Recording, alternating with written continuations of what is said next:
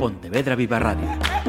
Cara a cara. Damas y caballeros, la Asociación de Directores de Informativos de Radio y Televisión da la bienvenida a Sibila Freijo.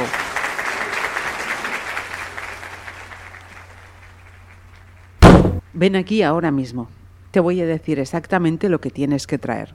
Así aprenderás a no poner esa cara de culo cuando te pido algo, dice el padre, sentándose con brusquedad a la mesa del salón. La niña, que apenas es una adolescente de 12 o 13 años, se acerca atemorizada. Se pregunta qué le espera esta vez. Hubiera sido mejor hacer lo que el padre le había pedido desde el principio, no haberle contestado. Ahora sabe que no hay solución. Por muchas disculpas que pida, ya no puede hacer nada. Trae aquí un paquete de pan de molde, un salero, un plato y un despertador. Le ordena. Mientras espera que ella regrese con las cosas, el padre coge del mueble bar un vaso ancho y una botella de whisky dick. Los deja encima de la mesa. Se vuelve a sentar.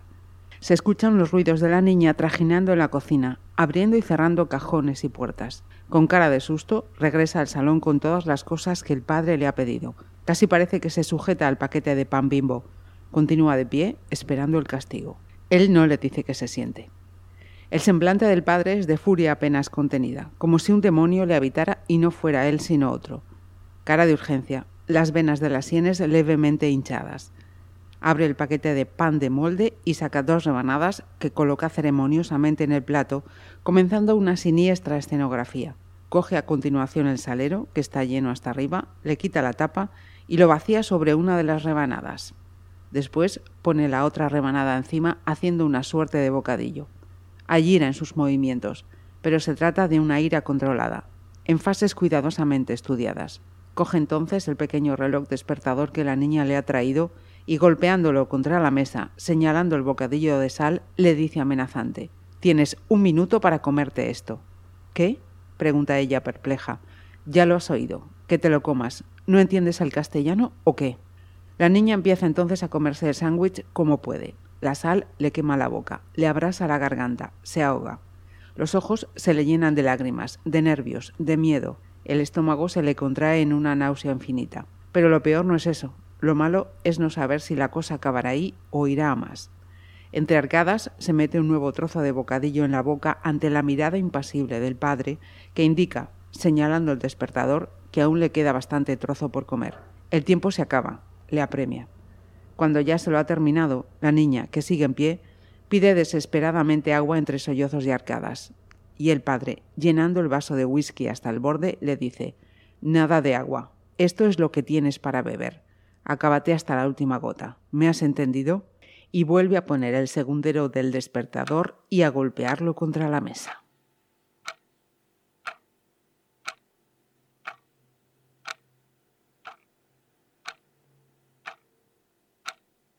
Vamos a saludar a nuestra invitada. ¿Qué tal? ¿Cómo estás, Sibila? Muy bien, encantada y muy emocionada porque es justo el día que sale el libro a la calle, o sea que encantada. Quinta novela y nos vamos a encontrar con una Sibila que se sale de esa línea que han marcado las novelas anteriores dentro de la novela romántica, erótica. ¿Qué ha sido? ¿Te has dado una pausa? ¿Ha sido probarte en otros géneros? ¿Te lo han planteado? Bueno, un poco me, me, vino así porque yo escribí esta novela un poco a raíz de la muerte de mi padre y es una novela que me surgió a partir de su duelo. Eh, como manera de procesar el duelo y demás. Y, y entonces ha sido la vida que me ha traído hasta aquí. No ha sido una cosa que yo haya dicho, voy a cortar con la novela erótica y hacer esto de repente, ¿no? Me ha surgido así y, me puse a ello. Llevo tres años con ello, entre pitos y flautas. Entonces me ha tenido como bastante absorbida el tema, sí. Mira, seguro que, mm, que, esta cuestión te la estamos eh, planteando muchas veces y van a seguir estos días planteándola muchas veces. Es una novela de autoficción. Es decir, la, autora nos habla en primera persona con su nombre, pero no significa que todo lo que nos cuentas corresponde a Sibila Freijo. ¿Qué porcentaje de, ficción y, de biografía hay? Bueno, te diré que toda la novela es real y toda además va con nombres y apellidos, excepto ciertos capítulos en la novela que son, yo creo, fácilmente identificables para el lector porque se ve que son otras historias, que están dentro de la historia, ¿no? Como se ha hecho de toda la vida en la literatura, que que puede haber historias dentro de la historia. Entonces, esas historias sí pueden ser ficción, pero todo lo demás es estrictamente verdadero, como eh, es mi vida, es mi infancia en La Coruña, mi vida adulta en Madrid, en Coruña, es mi familia, es todo real, 100% real, menos ciertos toques a lo mejor oníricos o alguna historieta por ahí que hay metida que son ficción, pero yo no he jugado con la ficción en mi historia, es, em, mi historia es totalmente real, Mm, verdadera y es mi vida. La familia. No elegimos la familia de sangre al menos, nos viene ya elegida. Y en la sal es como em, el yin y el yang, el bien y, y el mal. Nos pones ante, em, en tela de juicio, la principal institución de, de esta sociedad, que, que no es poca cosa. Pues sí, y creo que mucha gente se va a identificar con los conflictos de la sal, porque habla precisamente de eso, de la dicotomía esa de la familia como necesidad absoluta y como, y como elemento perturbador y que causa mucho daño a veces. Entonces, ¿quién no se ha sentido en ese lugar alguna vez, no? En el lugar de, de echar a- en cara a sus padres cosas, de tener una mala familia, de tener una mala infancia. Mm, Entonces digo en el libro un poco que es la familia es el cáncer y la quimioterapia, ¿no? Que salva y, y- y perjudica a partes iguales. Entonces es un poco difícil mantenerse estable en el mundo familiar, Sí, sí, sí. digamos.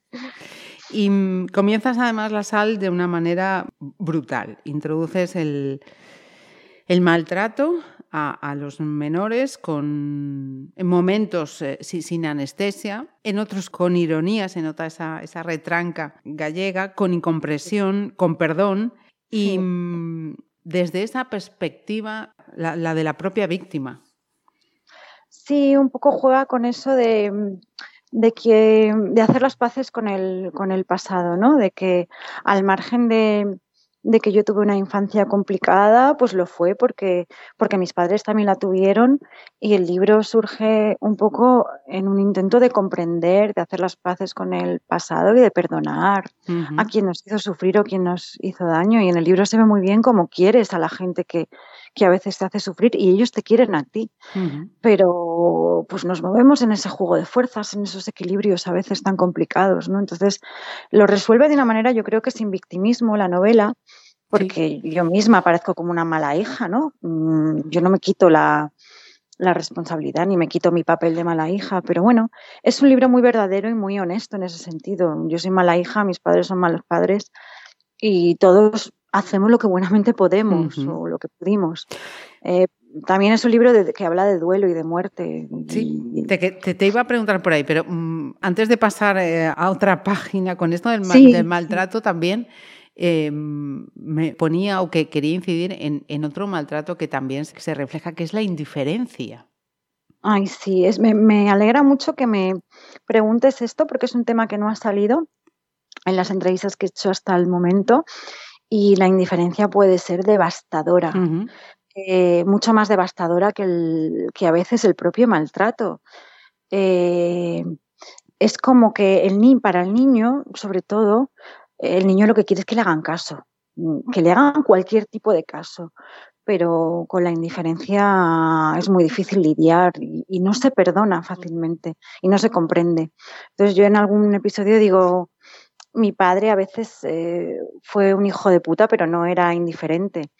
Y en cambio mi madre sí era más indiferente, ¿no? Entonces yo digo que de los dos siempre pensé que él me quería mucho más, porque me dañaba, pero al menos me hacía caso. Entonces es un es complicado este tema para, para hablar aquí así en cinco Sí, minutos. sí, sí, sin Es- duda. Es sin un tema muy de mucha De enjundia. mucho, sí, de mucho trasfondo, mucho, mucho, Sí, mucho. sí, Y, retratas además mm, dos, tres generaciones de paternidades, maternidades, pero todas, y lo ibas ya mm, sacando hace poquito, todas hacen lo mismo, lo que saben o lo que pueden. Sí, es que, por ejemplo, yo retrato una generación que es los padres progres, estos de los 70, ah, se acababa de morir Franco, tenían 20 años, no estuvieron muy jóvenes, ¿sabes? Y tenían muchas ganas de, de libertad y de vivir la vida. Y es lógico en un sentido de que no fueran muy buenos padres o muy responsables porque tenían 20 años. Es que ahora le dan a un chaval de 20 años un hijo y, y bueno, a saber lo que haría con el hijo, ¿no? Entonces hay que comprender todo en el contexto que se produce. Aún así, pues bueno, fueron no todos los padres de aquella época fueron así, pero muchos sí fueron así. Los padres colegas también, muchos tipos de padres. Pero los de los 70 no fueron los mejores padres del mundo, vamos, eh, o de esta, de esta generación, digamos, de, de, padres progres y ateos de los, de los 70 y 80. Decía Sibila, tres años has estado inmersa en esta, en esta novela, La Sal, y ahí mm, entro con ese componente también de la sal, la muerte. ¿Cómo nos toca enfrentarnos a, la pérdida de seres próximos y algo inevitable sobre lo que seguimos poniéndonos de perfil?